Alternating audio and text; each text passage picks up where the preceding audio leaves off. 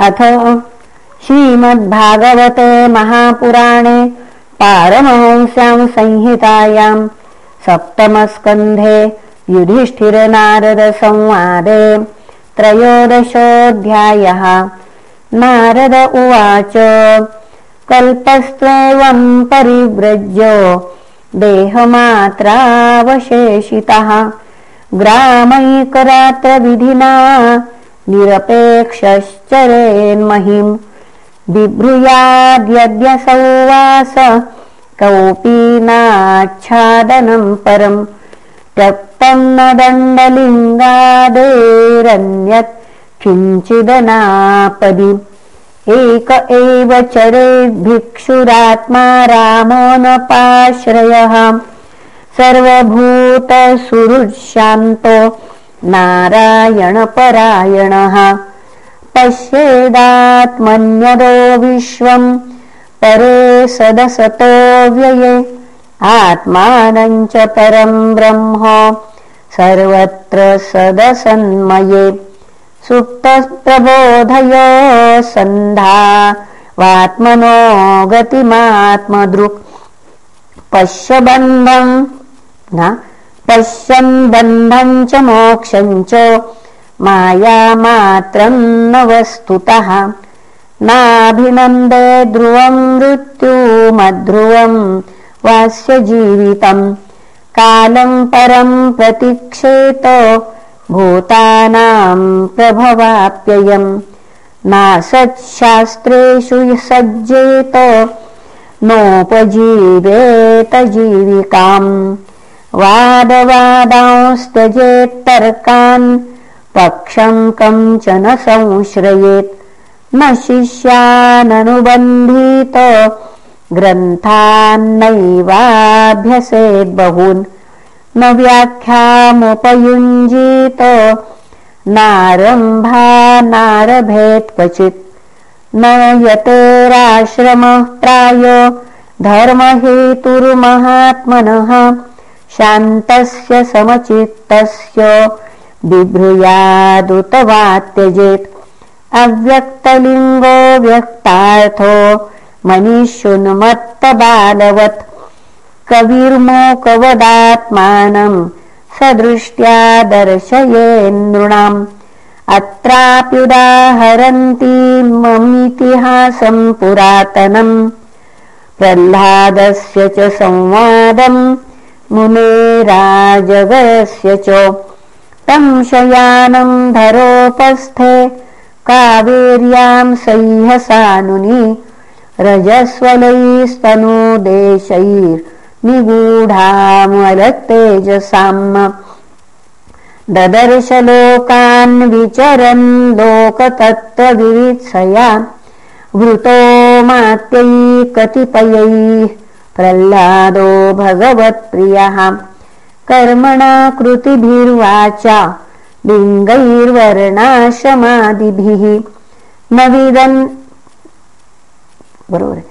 पुनः न विदन्ति जनायं वै सोऽसाविति न वेति च।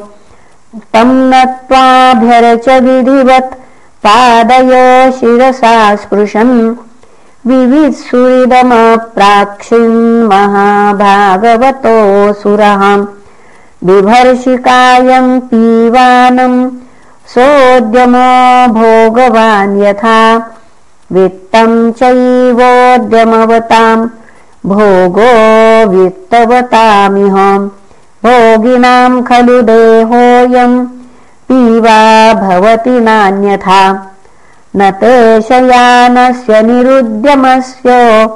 ब्रह्मन्नुहार्थो यत एव भोगः। अभोगिनोऽयम् तव विप्रदेह। पीवायतस्तद्वदनः क्षमम् चेत्। कविः कल्पो निपुणदृक्। चित्रप्रियकथः समः। लोकस्य कुर्वतः कर्म शेषे तद्वीक्षितापि वा।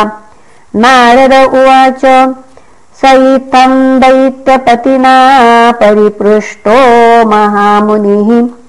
स्मयमानस्तमभ्याहो तद्वागमृतयन्त्रितः ब्राह्मण उवाच वेदेदमसुरश्रेष्ठो भवान्नन्वार्यसम्मतः इहो परमयोर्नॄणाम् पदान्यध्यात्मचक्षुषा। यस्य नारायणो देवो भगवान्नद्गतः सदा। भक्त्या केवलया ज्ञानम् धुनोति ध्वान्तमर्कवत्। अथापि ब्रूमहे प्रश्नौस्तव राजन्यथा श्रुतम् सम्भावनीयो हि भवानात्मन शुद्धिमिच्छताम्। तृष्णया भववाहिन्या योग्यै कामैरपूरया। कर्माणि कार्यमाणोऽहम् नानायोनिषु योजितः। यदृच्छया लोकमिमम् प्रापितः कर्मभिर्भ्रमन् स्वर्गापवर्गयोर्द्वारम् तिरश्चाम् पुनरस्य च अत्रापि दम्पतीनाम् च सुखायान्यापनुत्तये कर्माणि कुर्वताम् दृष्ट्वा निवृत्तोऽस्मि विपर्यमम् सुखमस्यात्मनोरूपम् सर्वेहोपरतिस्तनुः मनः संस्पर्शजान् दृष्ट्वा भोगान् स्वस्यामि संविशन्। इत्येतदात्मनः सार्थम् सन्तम् विस्मृत्य वै पुमान्। विचित्रामसति द्वैते घोरामाप्नोति संस्कृतिम् जलम् तद्भु पुनः जलम् तदुद्भवैच्छन्नम् हित्वाज्ञो जलकाम्यया मृगतृष्णामुपाधावेद् यथान्यत्रार्थदृक् स्वतः देहादिभिर्दैवतन्त्रैरात्मन सुखमीहतः।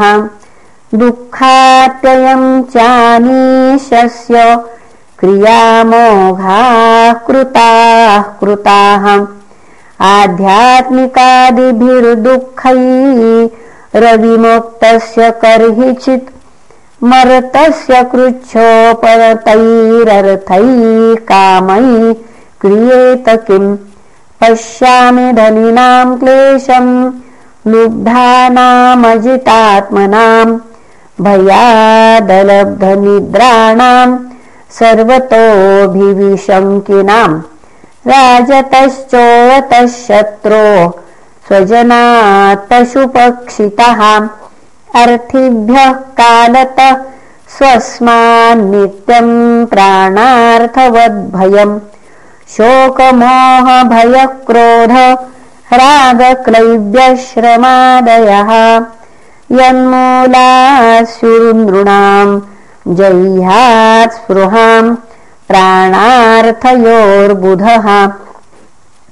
मधुकारमहासर्पौ लोकेऽस्मिन्नो गुरुत्तमौ। वैराग्यम् परितोषम् च प्राप्ता यच्छिक्षया वयम् विरागः सर्वकामेभ्यः शिक्षितो मे मधुव्रतात्। कृच्छ्राप्तम् मधुवद्वित्तम् हत्वाप्यन्नो हरे पतिम्। अनीह परितुष्टात्मा यदृच्छोपनतादहम्। नो चेच्छये बहुहानि महाहिरिव सत्त्ववान् क्वचिद्दल्पम् क्वचिद्भूरि भुञ्जनम् स्वाद्वसाद्वो वा गणो पुनः क्वचिद्भूरि गुणोपेतम् गुणहीनमुत क्वचित् श्रद्धयोपाहृतम् क्वापि कदाचिन्मानवर्जितम् भुञ्जे भुक्त्वाथ कस्मिंश्चिद् विधिवानक्तम् यदृच्छया क्षौमम् दुकूलमजिनम् क्षीरं वल्कलमेव वा वसेन्यदपि सम्प्राप्तम्। दिग्भुक्तुष्टधीरहम्। क्वचिच्छये धरोपस्थे तृणपर्णाश्मभस्मसु। क्वचित्प्रासादपर्यङ्के कशिपौ वा परेच्छया क्वचित् स्नातोऽनुलिप्ताङ्ग सुवासास्रग्व्यलङ्कृतः रथे भाश्वैश्चरे क्वापि दिग्वासाग्रहवत् विभो। नाहं निन्देन च स्तौमि स्वभावविषमं जनम्। एतेषां श्रेय आशासे उतैकात्म्यं महात्मनि। विकल्पं जुहुयाच्चित्तौ तां मनस्यर्थविभ्रमे मनोवैकारिके हुत्वा तन्मायायां जुहोत्यनु। आत्मानुभूतौ तां मायां जुहुया सत्यदृङ्मुनिः। ततो निरीहो विरमेत् स्वानुभूत्यात्मनि स्थितः स्वात्मवृत्तम् मयेत्थन्ते सुगुप्तमपि वर्णितम् लोकशास्त्राभ्याम् भवान् हि भगवत्परः नारद उवाच धर्मम् पारमहंस्यम् वै मुने श्रुत्वा सुरेश्वरः। पूजयित्वा ततः प्रीत आमन्त्र्य प्रययौ गृहम्। इति श्रीमद्भागवते महापुराणे पारमहंस्यां संहितायाम् सप्तमस्कन्धे युधिष्ठिरनारदसंवादे यतिधर्मे त्रयोदशोऽध्यायः। श्रीकृष्णार्पणमस्तु। हरये नमः हरये नमः हरये नमः